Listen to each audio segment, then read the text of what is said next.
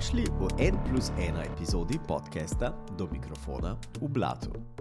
Sogovorniki iz inženirskega sveta se bomo poglabljali v tehnološke zgodbe, razpredali bomo o inženirskih praksah, prerokovali bomo trende in pametovali o dobrih starih časih. Skratka, brodili bomo po blatu industrije in se ob tem morda spotaknili ob kakšno dobro zgodbo.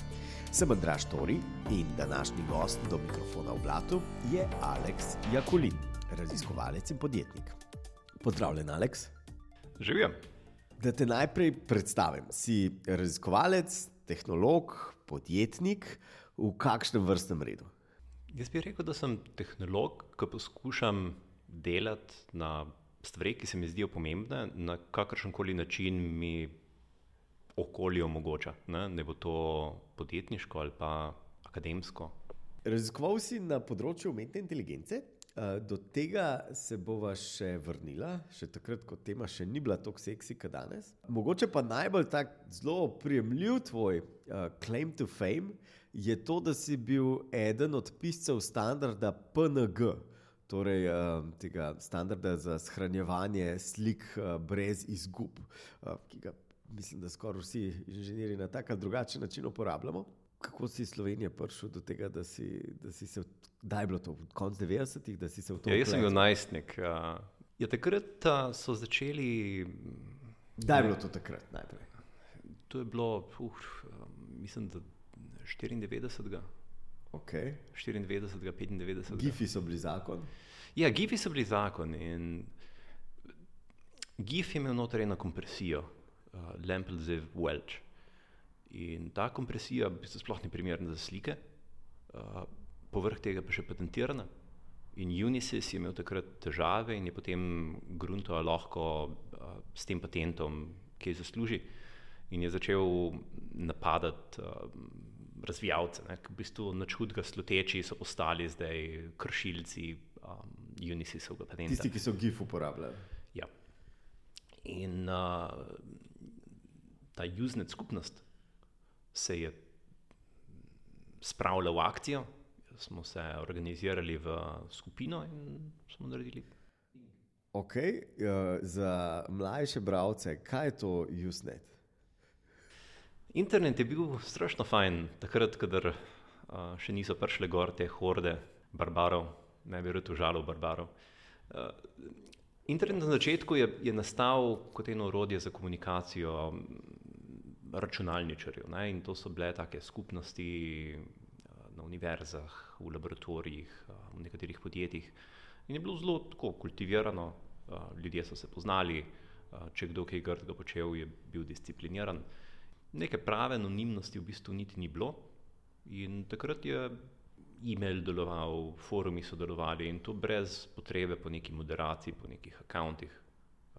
Vse je bilo community operated and owned. Uh, potem je AOL omogočil tem hordam barbarov, da so prišli na internet in potem se je pojavil spam, pa cel kup drugih problemov. Ja, ampak kaj je Usenet? No, Usenet je bil sistem forumov, okay. uh, organiziranih v eno tako hierarhijo in recimo v tej hierarhiji uh, je bila kategorija uh, computers, potem uh, graphics, Eh, potem pa algorithms. Ne, tam recimo so se, to je bila v bistvu edina skupina, edini kraj na internetu, ker so se ljudje pač pogovarjali o tej temi in praktično vsi na tem področju, vsi najboljši na tem področju, so dejansko bili v teh skupinah. Po drugi strani pa lahko tudi nek slovenski srednješolc tudi bil tam. Kako si to najdel? V tistih časih, eh, če si uporabljal internet, si sigurno vedel tudi za Usenet. Okay. Če si vedel za mail, si vedel tudi za Usenet si vedel za FTP, ne, si vedel za Telnet. To so bile take ključne aplikacije, ki jih je takrat uh, vsakdo uporabljal. Ok, se pravi, nek naključen slovenski najstnik, uh, si se priklopil v tej skupini in uh, takrat, kaj se je. Uh, grupa građana odločila, da zdaj pa treba nekaj narediti. Ja, pač to je bilo vse splošno zgražanje nad, nad tem patentom.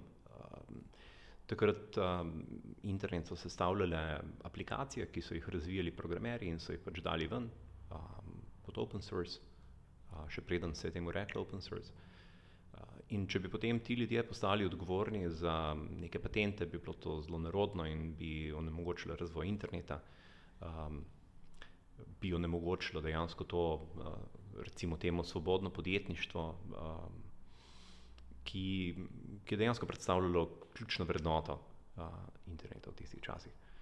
Kako se je, še vedno mi ni čisto jasno, okay, od nekega foruma nekje. No, na tega, forumu so najprej začeli ljudje zgražati. formatov. Potem, ko so se nehali zgražati, mogoče kdo predlaga, da je to narediti, pa drugi predlaga, da je tisto narediti, in potem se v želji rešiti ta problem, ljudje skupaj dajo, pa se zorganizirajo. Um, in pač jaz sem se pridružil tem, ko so me povabili zraven. Znotraj skupine smo imeli eno tako zanimivo raznolikost, znotraj so bili recimo vodje te skupine eh, Independent JPEG Group, ki je razvila referenčno implementacijo JPEG-a, ki praktično je osnova za, uh, z, za ta format um, po vseh teh programih. Notr so bili ljudje iz um, CompuServe, ki je dejansko razvil GIF, notr so bili ljudje iz Microsofta, so bili ljudje iz NASA, so bili recimo razvijalci um, teh programov ZIP in UNZIP ne, so bili recimo strokovnjaki za uh, kompresijo in programiranje, so bili raziskovalci uh, iz računalniške grafike, ki so se recimo spoznali na barvne prostore. Uh, taka raznolika skupina je bila. No? In um, ni bilo nekega uradnega vodja, ne bil sicer nekdo, ki je pač bil um, tisti, ki je skrbel za tisti tekst file. Uh, ostali smo pa nekako um, komentirali razglabljali, predlagali, glasovali. In na katerem področju si, si ti delal? Jaz sem takrat nekaj malega vedel o kompresiji. Um, sem se s tem ukvarjal ljubiteljsko kot um, pač srednjošolc.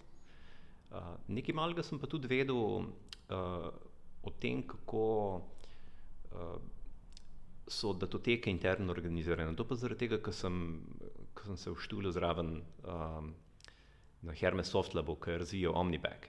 Uh, in tam sem nekaj malega zvedel o tem, kako, se, uh, kako naj bi formati filev bili dobro zorganizirani, zato da bi recimo zadeve kot je backup dobro delovale.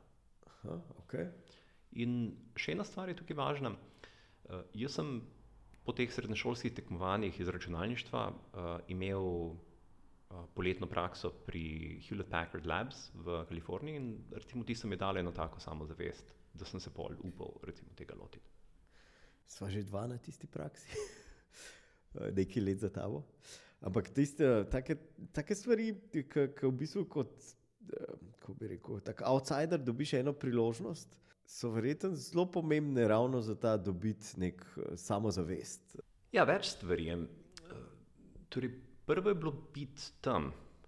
Drugo, kar je zanimivo, je pa tudi to, da ko smo bili v Silicijski dolini, je, so, so podjetja kot recimo Hewlett Packard, pa DEC, pa Xerox, so imeli skupne programe za te poletne praktikante.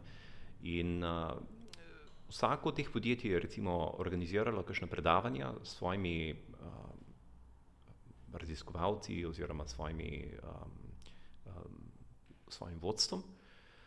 In tukaj, naprimer, sem bil na enem predavanju, ki je imel Ivan Sutherland.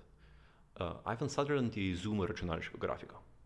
Okay. On je naredil prvi program za risanje uh, in praktično definiral večino te terminologije. Potem tudi ustanovil podjetje um, Evan Sutherland, ki je razvijalo te prve uh, letalske simulatorje.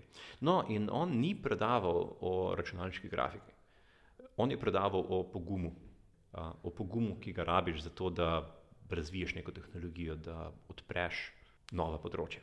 In očitno ti je dovolj spomin to predavanje ostalo, da se ga še vedno spomniš. Ja, ja vse se ga dobi na internetu. Um, mislim, da je Courage and Technology ali nekaj takega. Na te, te prakse, če se jaz spomnim, je v bistvu organiziralo na slovenski strani v bistvu Hermes Softlab. Hermes Softlab, ja.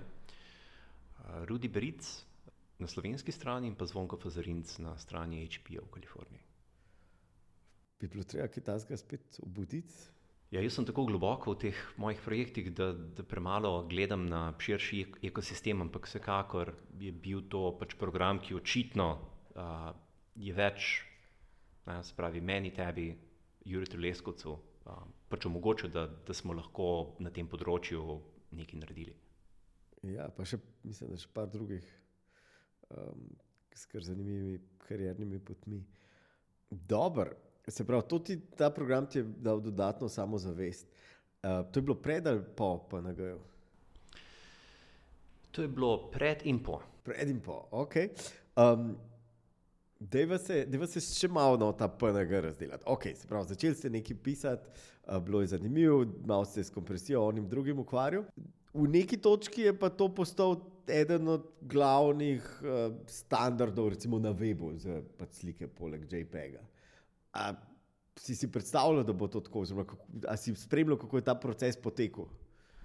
No, takrat, ko smo to počeli, sem si mislil, da ta zadeva lahko postane zelo, zelo velika.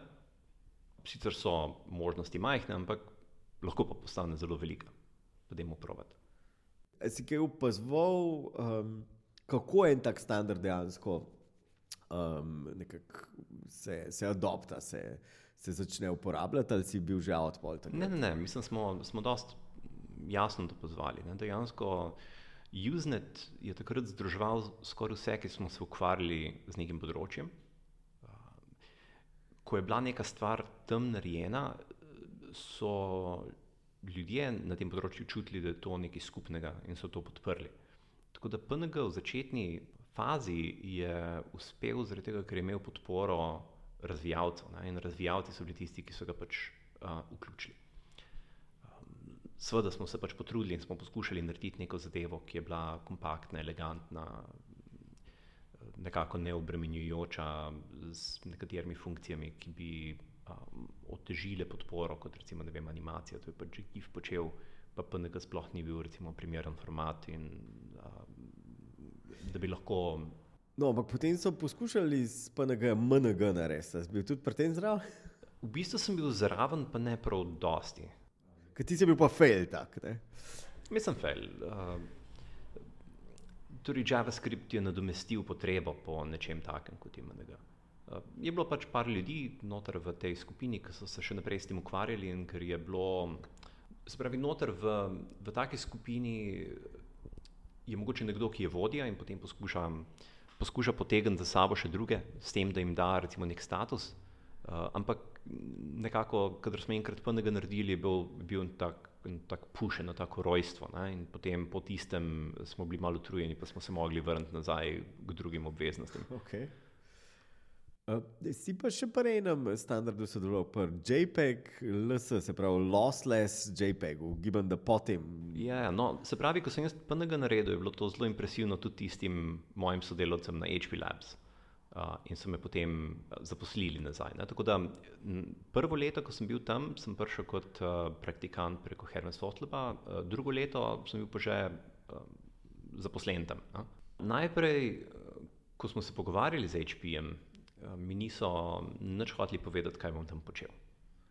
Uh, šele ko sem prišel tam, ko sem podpisal non-disclosure agreement, pa vse te zadeve, so mi povedali, da dejansko HP pripravlja predlog uh, organizaciji JPEG uh, na temo um, enega lossless formata, ki bo, uh, ki bo pač boljši kot tisto, kar je bil um, JPEG lossless ena, ki, ki je zdaj že skoraj pozabljen. In uh, uporabljalo se je pač en tak nov pristop. In uh, to sta razvijala dva bivša profesorja, ki sta delala tam na HP Labs. Uh, moja naloga pa je bila, glede na to, da sem bil takrat dober programer, uh, da poskrbim za implementacijo, za referenčno implementacijo. Um, in uh, jaz sem potem um, naredil implementacijo, ki, ki je bila hitra, kompaktna, um, enostavna. Se to, ta JPEG, losses, več, večina ljudi verjetno ne prihaja v kontakt z njim. Se to še uporablja ali ga je že kaj nadomestilo? Seveda se še uporablja. Um, in tudi v bistvu po teh svojih značilnostih um, ni še nobenega takega resnega uh, nadomestka za njega. Se pravi, uh, JPEG lossless ima interno ime Loco, Loko. Low Complexity. Aha, okay. In zanimivo pri tej kompresiji je, da je kompresija v bistvu manj potratna kot pa dekompresija. Uh, in kje je to pa lahko zelo uporabno? Ne, mogoče recimo, če imaš enega robota na Marsu, ki ima par teh uh, sončnih celic, pa mu zelo hitro baterija zmanjka. Aha. To ni sam primer, to, to se res uporablja. Ja, Aha, seveda okej. se uporablja. Tako da še zmeraj to uporabljajo na Marsu. Ok, se pravi, mogoče malo manj na internetu, pa malo več na Marsu. Nekako očitno ne, nisi ostal v tej računalniški grafiki. Um, No, veš kaj, ko narediš take eh, standarde, potem je konc, ne, ne moreš vsako leto novega Segel sem standarda. Vse, kar se da, zdaj pa. Ne, pač takrat smo naredili ene par zadev, smo prišli do ene take meje praktične mm, smiselnosti. Če bi šli mm, še naprej to komplicirati, potem bi- kvečemo poslabšali stvari. Ne? Tako okay. Da potem smo se vsi mm, lotili drugih zadev. Nekako smo opravili projekt, hišo zgradili, ne? zdaj pač. No, ok, kam te je pa potem zanesel? Potem so me najdli eni, eni japonski investitorji, ki so hoteli računalniške igrice delati. In, uh, in to, je bil v bistvu, to je bil v bistvu moj prvi tak startup takrat. Leto? Ah, to je, o, ne vem točno več, to je bilo 95, 96, 97. Ok. Sony je razvil PlayStation, to je, bil prva, to je bila prva 3D konzola na japonskem. In japonski programerji takrat niso imeli skoraj nobenih izkušenj s 3D grafiko. Ampak v Evropi je bila pa demo scena. Aha. In na demo sceni pa so bili programerji, Tudi ki v so, Sloveniji, ne samo tudi v. Sloveniji, uh, ki so razumeli 3D grafiko uh, in so znali z njo delati. In um, zato so potem pač me poskušali uh, pritegniti zraven, da, da pač jim pomagam razviti uh, engine. In engine ni samo 3D grafika, je potem tudi druge, uh, druge funkcije mora upravljati, recimo vem, fizika. Tako da takrat uh, sem potem uh, poskušal skupaj spraviti eno skupino uh, razvijalcev v Sloveniji, kjer uh, je na par ljudi skrbelo recimo za, uh, za te 3D um, telesa ne, um, in animacijo, uh, za fiziko, uh, pa za, za grafiko. Ok, in kako se je zgodba nadaljevala, išla? No, pač kot najstnik um, delati na take mednarodne projekte, to je bilo, recimo, temu neuspešno. No? Um, Okay. uh, uh, toliko razlogov, da ne vem, kje bi začel. Skratka, zaradi nekega razloga to ni uspel, ugibam, da si šel pol študirati. No, mislim, meni je bilo to, mi je bil en tak porast cela zadeva. Glavna stvar je bilo v bistvu obdržati zaupanje med ljudmi, ki se ne vidijo vsak dan. Uh, in uh, PNG je bil en primer, kako lahko zadeva, ki jo delajo ljudje, ki jo delajo ljudje, ki se ne vidijo, lahko še zmeraj zelo dobro narejena. Uh, potem sem se pa na več neuspehih naučil, da je v bistvu to ful redko tako dobro uh, sodelovanje imeti med ljudmi, ki se ne vidijo, ki niso skupaj več čas. In ko, ko projekt poganjaš, zelo hitro pride do enega nezaupanja, in če nimaš v bistvu te uh, možnosti biti skupaj, in če ni dovolj financiranja, ki bi recimo omogočilo, da se hodiš obiskovati več čas, zelo hitro pride do nezaupanja, ki zelo hitro potem vodi v take ali pa drugačne razpade. To je ta osnovni problem. Ne? In v bistvu um, PNG ne, me je naučil, nekako sem mislil, da je to dosti enostavno, kot je v resnici. Aha. Uh, bi rekel, da je to tisti glavni razlog. Ne? Okay. Nekako držati zaupanje nadaljavo. Se pravi, zdaj, ko imaš svoje podjetniške projekte, imaš vse ljudi na kupu. Ja, ne, ne, ne. Mislim, kot že rečeno, to se že zmeraj učim, kako, kako težko je v bistvu imeti eno tako sodelovanje nadaljavo. A kaj pomaga to, da zdaj imamo pač high bandwidth, pa video, pa um, ene 15 različnih videokonferencing sistemov? Malo že pomaga, ampak še zmeraj, še zmeraj ni dovolj. Keče nekje druge potem. Imamo pač ne, neke emocije in neka, kako bi rekel, ena, ena taka biologija sodelovanja, je, no, ki uh, nadaljavo rabiš imeti ali izredno dost samodiscipline, ali pa morajo vsi v tem ful uživati, ali pa noben uh, ne more igrati pretirano ključne vloge. To, da, da ena skupina ljudi sodeluje med sabo, uh, to je zelo, zelo težko. In na nek način se mi zdi, da smo danes zaradi te tehnologije smo po eni strani preveč razpeti med preveč različnih skupin, po drugi strani pa smo premalo skupaj, da bi lahko res uh, ustvarili ena taka trdna sodelovanja. Pejmo nazaj na, na tvojo pot. Um, se pravi, malo si v game development šel, se odločil, da mogoče to ni to, uh, potem pa. Ja, no, takrat uh, sem potem, po tem uh, japonskem projektu, se malo vrnil uh, nazaj na faks. Sem si vzel, sem kar nekaj izpitov pustil za kasneje, da, sem lahko vmes, recimo, PNG naredil, pa da sem uh, čez poletje bil v Ameriki, pa še malo čez poletje. Uh, torej, potem sem se mogel malo posvetiti študiju, uh, da ne bi, uh, da ne bi ponavljal kakšnega letnika. In, uh, in potem, ko sem bil tem, sem si pa želel razumeti tiste osnove, um, osnove mišljenja, osnove recimo neke inteligence. Um, in uh, sem se pač v to spustil. In kaj si na tem področju naredil? Si kaj, kaj naredil, ki bi rekel, wow, to sem pa ponosen? Recimo, da sem pogledal ene par stvari, uh, ki se jih takrat še ni dalo implementirati. Ne bod bolj konkreten, no? zdaj, me, zdaj me zanima. Ma dobro, tukaj, eh, ko poskušamo razumeti svet in naravo, ne, se vprašamo, kaj je, kaj je tukaj ključen faktor. So, eh, recimo, en tak primer je nature versus nurture. Ne. A so recimo pametni otroci itak pametni, ker so se pač že taki rodili, ali so pametni zaradi tega, ker so se starši z njimi ukvarjali in vedeti, koliko je pomembno, naprimer, uh, genetika kot taka in koliko je recimo, pomembna vzgoja, ne, to je recimo en tak faktor, ker v bistvu se ljudje potem prerekajo. Uh, prerekanje izhaja iz tega, da v bistvu pametni starši imajo tudi tendenco dobro vzgajati. In, in potem je vprašanje, kako dejansko razumeti tako situacijo. Ne? Ker imamo dve spremenljivki, ne? ki sta korelirani. Torej, recimo, pametni starši tudi dobro vzgajajo.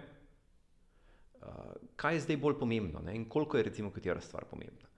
In moj doktorat je v bistvu, za razliko od tega, da, da se da po nekem prerekanju se odločimo, ali je eno najbolj pomembno ali drugo najbolj pomembno, uh, na boljši način, kot recimo, da gledamo neke regresijske koeficijente, ker pač ti dajo neke številke, ampak ti jih dajo če pač ne razumeš prav dobro, da je do, do velike mere to kar arbitrarno, da lahko dejansko razcepiš na skupni vpliv inteligence in vzgoje, in pa na posamičen vpliv inteligence brez vzgoje, in na posamičen vpliv vzgoje brez inteligence.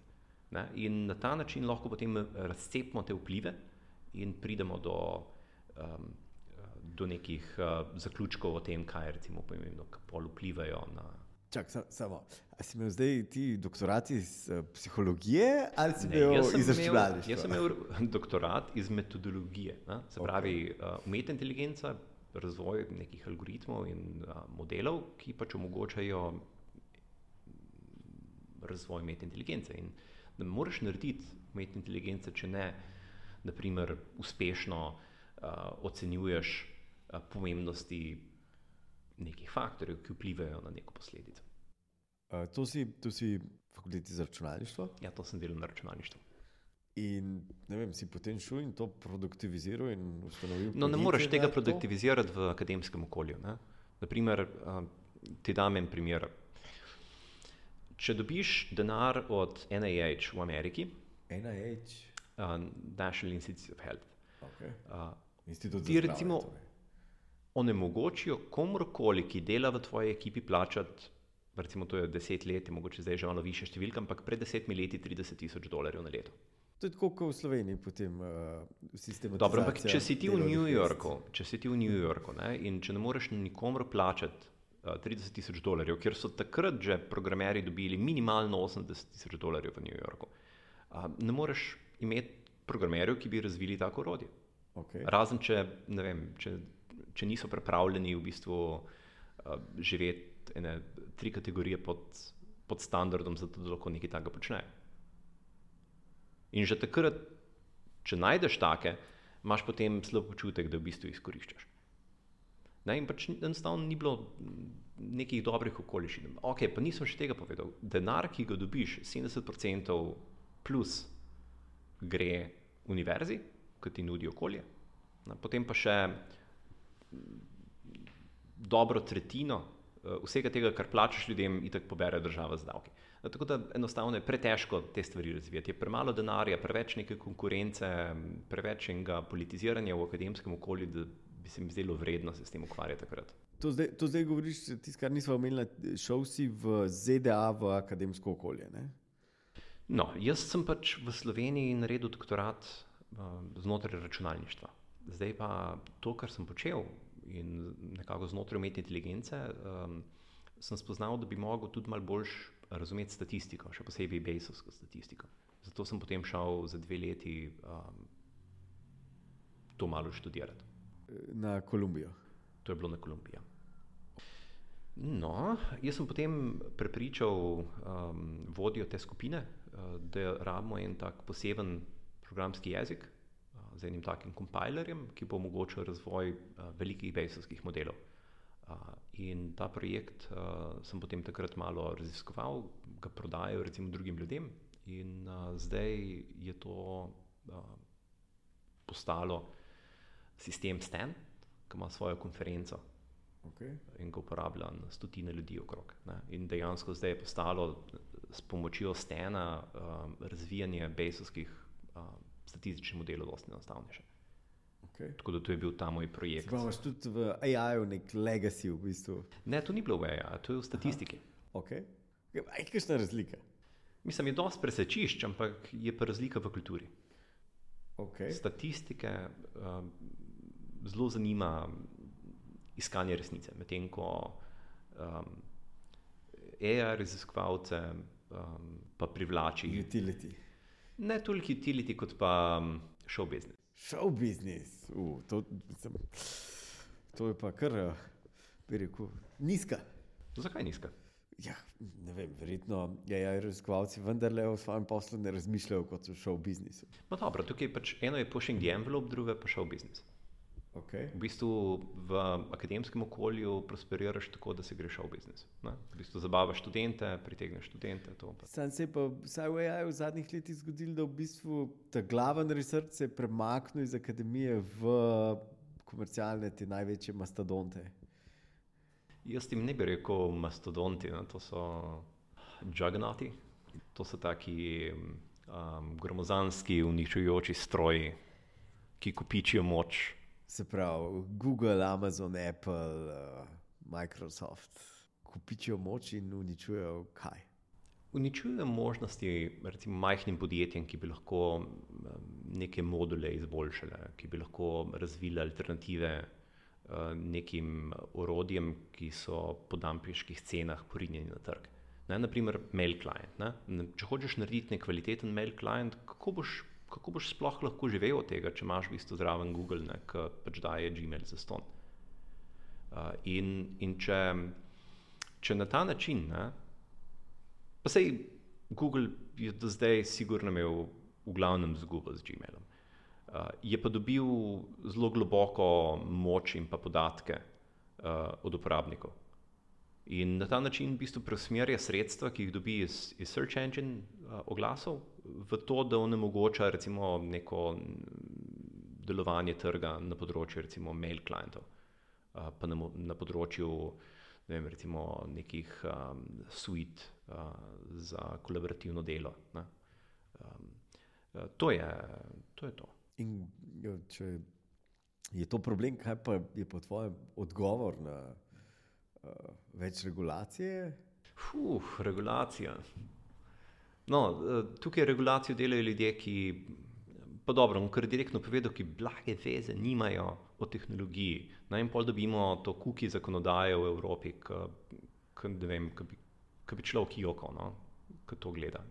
Um, k, ne samo, ne, da v bistvu pomaga Google in Facebooku utrditi monopol, ampak povrh tega še vzame milijone in milijone ur od uporabnikov interneta, ki morajo tam preklikljati neke, neka neumna soglasja. Deva to razrečiti. Raz, Zakaj? Vendar je Evropa je sprejela vse te privacy, pa to med drugim tudi um, vsaj domnevno, zato da bojo uh, krotili te zbiranje podatkov strani podjetij. Kako bojo, kako bojo krotili zbiranje podatkov, če, če nimajo neke skupine, ki bi, ki bi imela vem, uh, opravljen en predmet iz računalništva? Mislim, to, to, to, to tak. Skratka, sam dej razloži, zakaj kuki direktiva pomaga utrditi monopol. Torej, kaj je problem bil tukaj? Tukaj, tukaj so se um, evropejci bali, da jim pač preko kukijev sledijo okrog po internetu. In, in so se spravili tukaj na te kukije.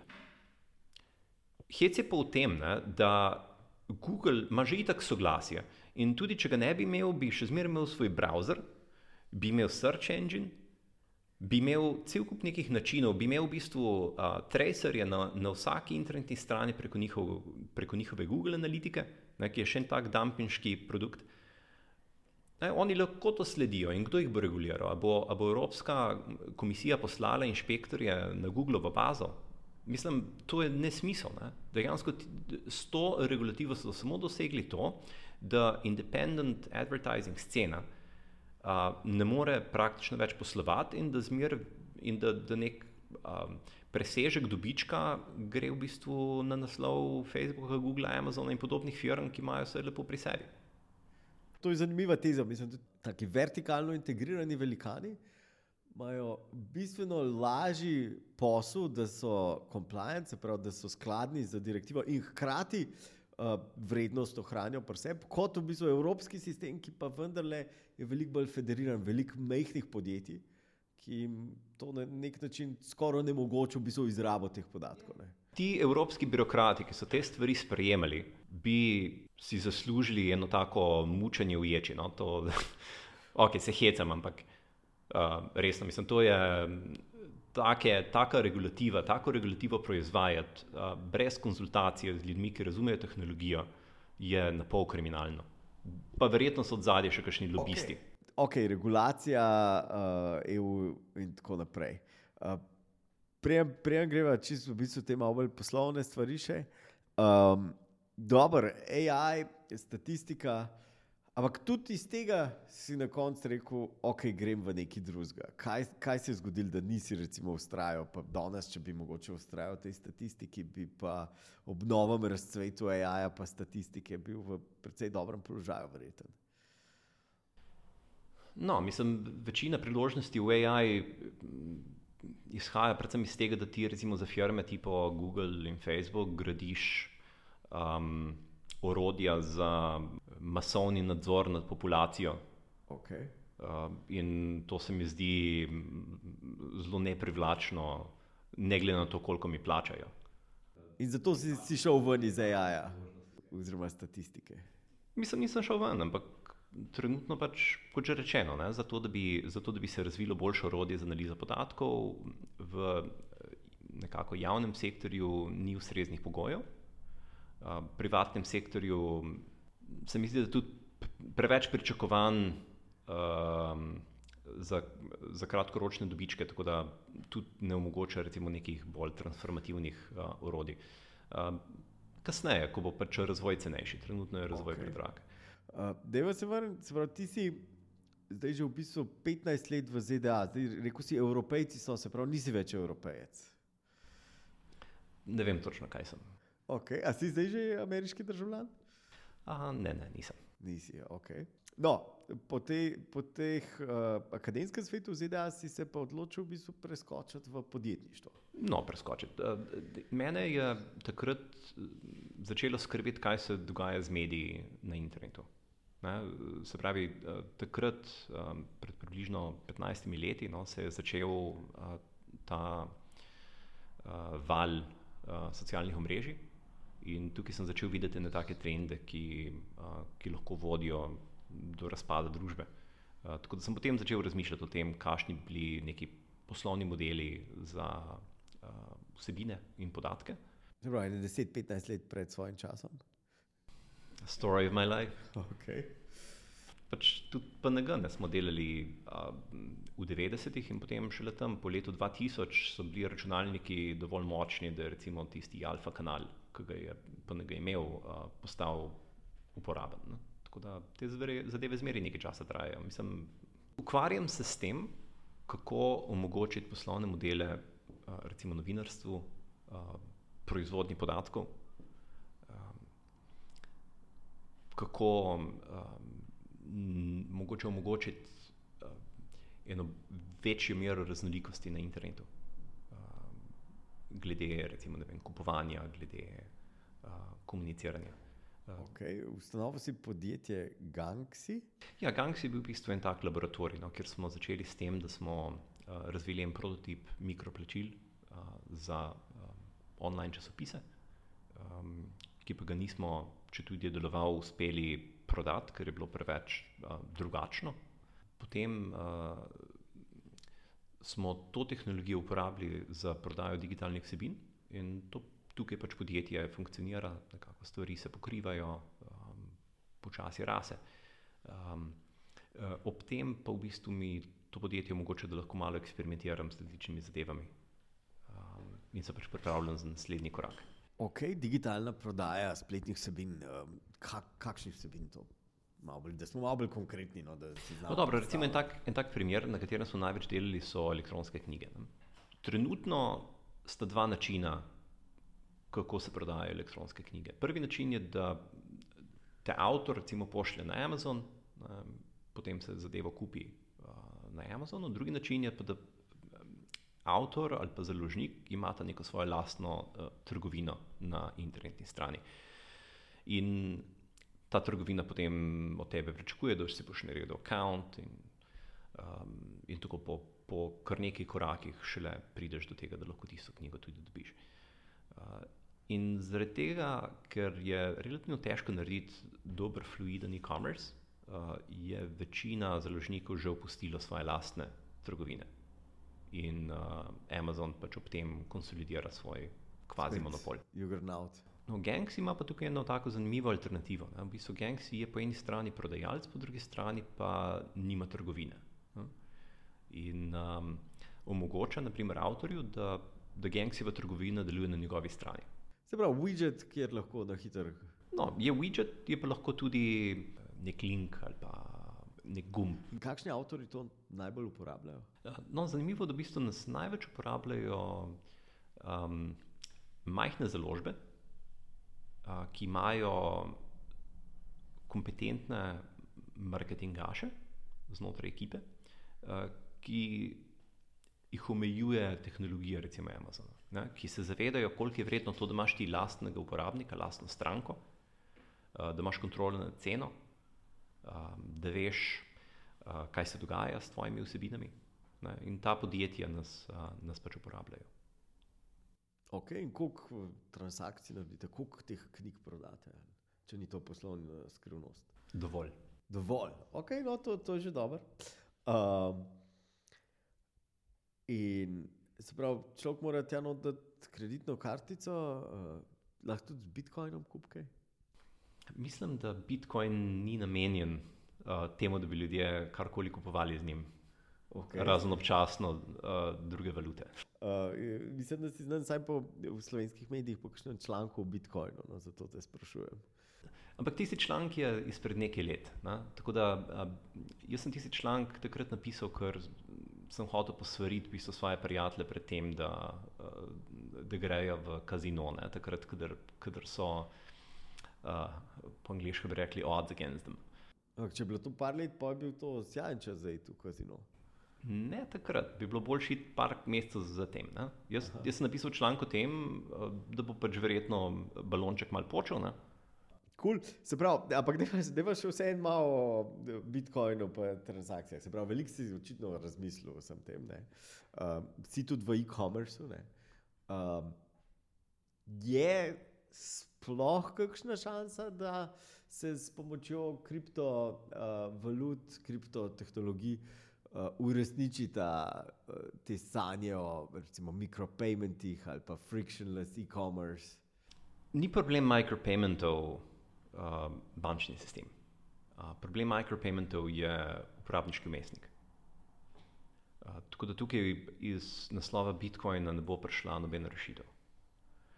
Um, kar se tiče tehnologije blockchaina, uh, ki pač jo uporabljajo Bitcoin in drugi, um, to tehnologijo so v veliki meri začele posvajati tudi banke. Ne? Tako da na nek način vsta open source community dejansko samo subvencionira software development na velikih bankah, uh, kar se mi zdi dosti tako um, patetično. Um, ne narediš. Se pravi, če bi se poskušal postaviti nek um, alternativen uh, ekonomski sistem, uh, bi se mogoče tega malo drugače lotil, ne tako, da v bistvu omogočaš um, kriminalcem uh, um, enostavno pranje denarja. Um, zdaj, moram pa reči to, ne, da je cel ta recimo Bitcoin sistem, ne, je pač tudi sistem, ne, ni samo tehnologija kot taka. Uh, tukaj so se v bistvu razvila orodja uh, in uh, neki trgi, finančni trgi, ki v bistvu dosto poenostavljajo um, recimo ne vem, formiranje nekih, uh, nekih uh, tokenov, delnic, kvazi delnic. Uh, tako da to je zanimivo. Ne. To v bistvu se je že pokazalo kot enabler ne, za recimo cel ta ICO, sistem preteklosti. Ampak še zmeraj je pa to, ne, da vse te tehnologije, ki, ki pridejo ven, vključno z internetom, uh, imajo ena take predpostavke o neki. Um, O, neki, o nekem etičnem obnašanju uh, uporabnikov, ki so vedno znova um, dokazano preveč optimistični. Torej, uh, Usenet je propadel, ker je predpostavil, da ljudje ne bojo spamali.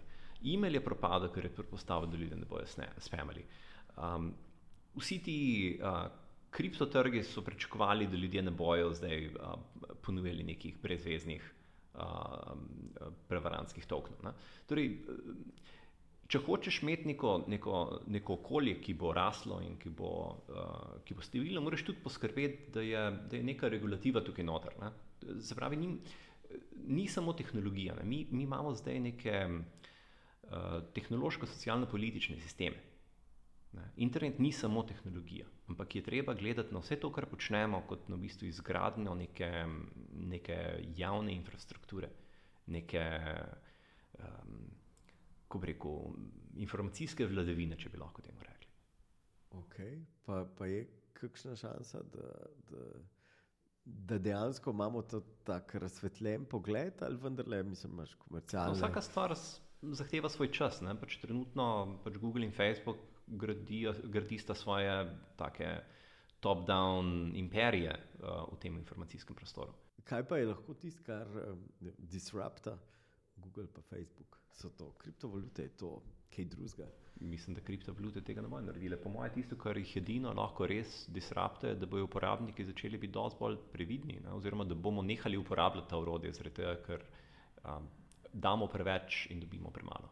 Če bi jaz bil Evropska skupnost, definitivno ne bi hotel puščati toliko moči v rokah teh uh, podjetij, tipov Google in Facebook. Okay. In kakšni so tvoji prihodni projekti? Um, ukvarjam se predvsem s tem, no, kako um, imeti neko avtentično za podatke, avtentično za informacije, um, neko zaupanje med različnimi partnerji, ki sodelujejo um, pri recimo, nekih projektih na internetu. Vse skupaj zveni še dosta abstraktno, ampak um, se bo malo kristaliziralo. Zveni dosta abstraktno, ampak se, se ne morem uh, izogniti asociaciji na blockchain. No, dejansko sodelujem s človekom, ki je izumil blockchain. Ok, tell us more.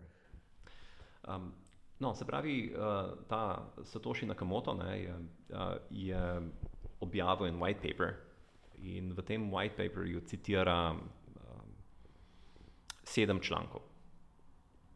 Um, tam je sodelavci napisal tri od teh sedmih. Okay.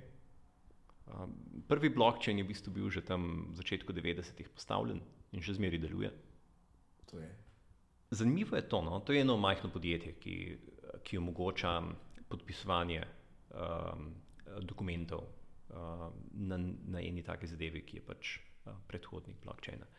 Um, in uh, zanimivo je to, ne, da oni dokazujejo integriteto in ta non-tampering uh, s tem blockchainom, tako da, da vsaki Sunday edition of New York Times objavijo en hash. Aha.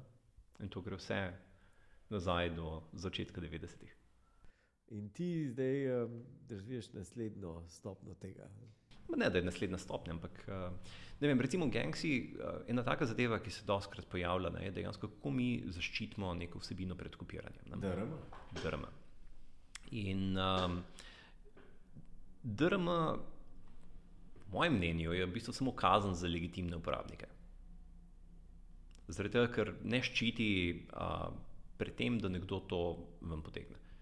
In ko enkrat to ven potegnjeno, je to zunaj. Način, da ti rešiš piratstvo, je, da, da zaščitiš ceno ne? in da pač onemogočiš recimo neke pirate na tem trgu. Tega ne boš rešil na način, da ti um, otežiš uh, izdelavo kopije. Ko je enkrat kopija narejena, če se ta kopija lahko širi, potem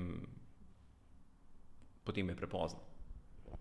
Torej, če bojo hoteli založniki uh, rešiti uh, problem piratstva, bojo mogli to uh, narediti na strani piratov ne, in na strani recimo Google in drugih, um, ki pomagajo dejansko najti piratske kopije. To, kar res razvijamo, je neko orodje za dokazovanje avtentičnosti, ki pač uh, uh, zaščiti vsebino brez drmaja.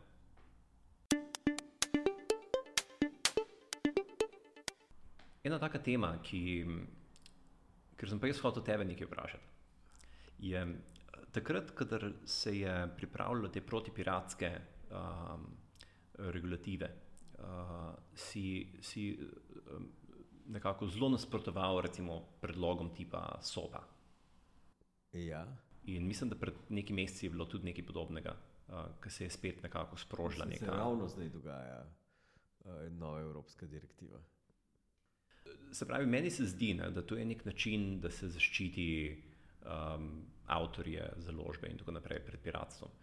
Um, mogoče ti ljudje ne vejo točno, uh, kako narediti neko dobro regulativo.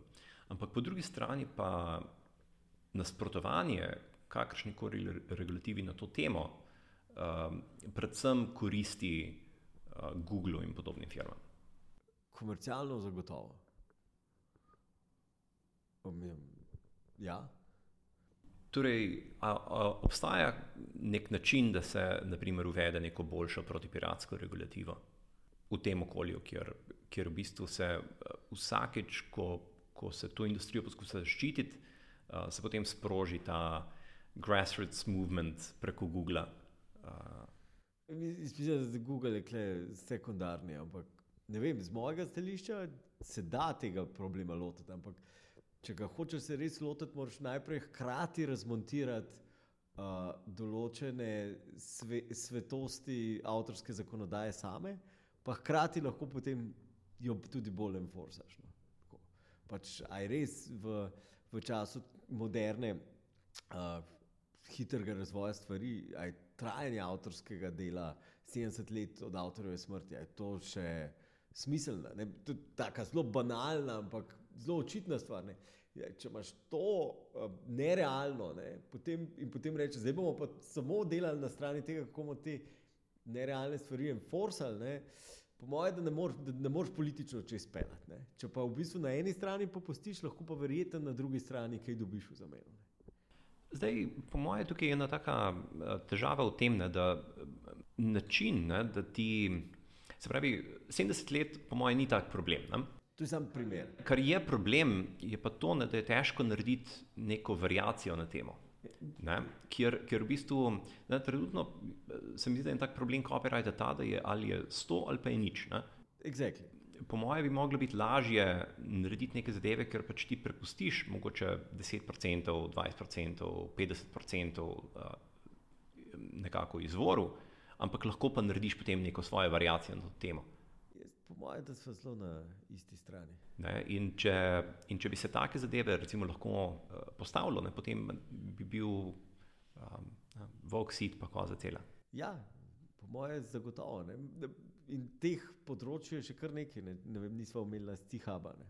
Ne vem, kakšno je tvoje mnenje o Cihabu? Zbirka praktično vseh ever objavljenih znanstvenih člankov, piratska, uh, za ston, dostopna vsem raziskovalcem. Ja, Zdaj, tukaj, tukaj imamo dve stvari. Ne. Prva stvar je, je poslovni model za založbe, ne, kjer določena mera dela um, je vložena v to, da se pač pripravi in sproducira vse skupaj. Drugo je pa dejansko, kakšna je pa vloga knjižnic v digitalnem svetu.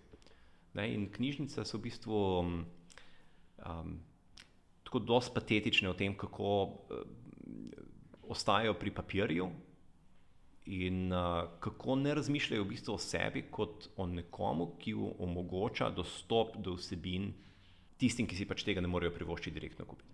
Uh, in če bi mi od knjižnic pričakovali, ne, da poskrbi recimo za enostavnost dostopa in mogoče tudi za enostavnost zaračunavanja, bi lahko marsikaj dosegli. Tako da po moje, uh, po moje tukaj to, da, da se piratom prepusti upravljanje s knjižnicami, izredno nevarno. Še posebej, ker imamo recimo tukaj AI, pa deepfake tehnologije. Ne vem, recimo, se, po mojem, lahko v enem podnevu mi dva narediva en program, ki bo iz knjig pobrisal vse tiste stavke, ki imajo negativen sentiment, pa govorijo o nacizmu. Ne?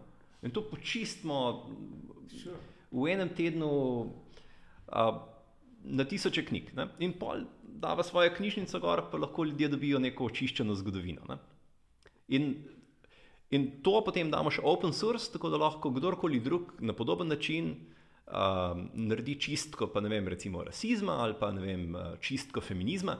Ne, tako da pol na koncu ne, noben, ne bo noben več vedel, kaj, kaj je resnica ne, in kaj je dejansko nek avtor res napisal.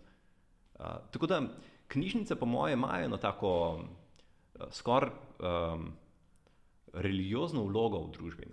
Okay. Um, ohranjanje neke avtentičnosti in, in izvora, in hkrati tudi omogočanje dostopa. In morajo to zelo resno početi. Sicer, ne, če bomo to prepuščali kar tam anonimnežem na internetu, bomo prišli v eno tako zelo, zelo, zelo hudo zmedo.